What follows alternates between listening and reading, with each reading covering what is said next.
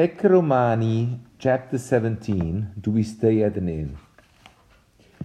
Erat undecima hora. Raida ad hoc in fossa manibat, quod Raidarius ia movere non poterat. Aurelia solicita erat, Cornelia lacrimabat, etiam puri pericula iam timiebant. Cornelius in via stabat solicitus et caelum spectabat quod iam ad vesperas scibat. Tandem Euclides, videsne illut edificium, Domine?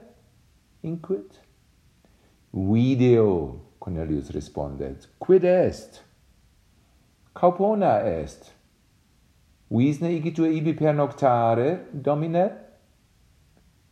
Clamat Aurelia, O me miseram, Cauponas non amo, saipe ibi, pericula sunt magna, fortasse caupo alios equos habet, fortasse equi cauponis, raidam e fossa extrahare possunt, in capona per noctare timeo.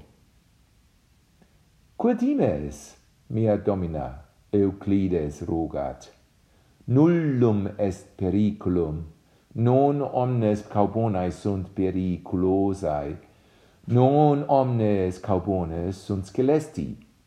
Ille caupo est amicus meus. Graecus est, et vir bonus. Tum Aurelia, Cornelius est senator Romanus, senatores Romani in Cauponis non pernoctant.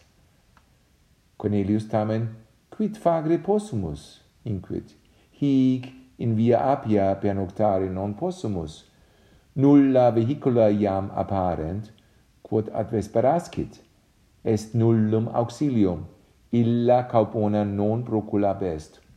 Nec esse est igitur ad cauponam ire. Agite puri. Itaque, dum Euclides Cornelius ad Caubonam ducibat, Raidarius solus in via manebat. Raidam et equos custodiebat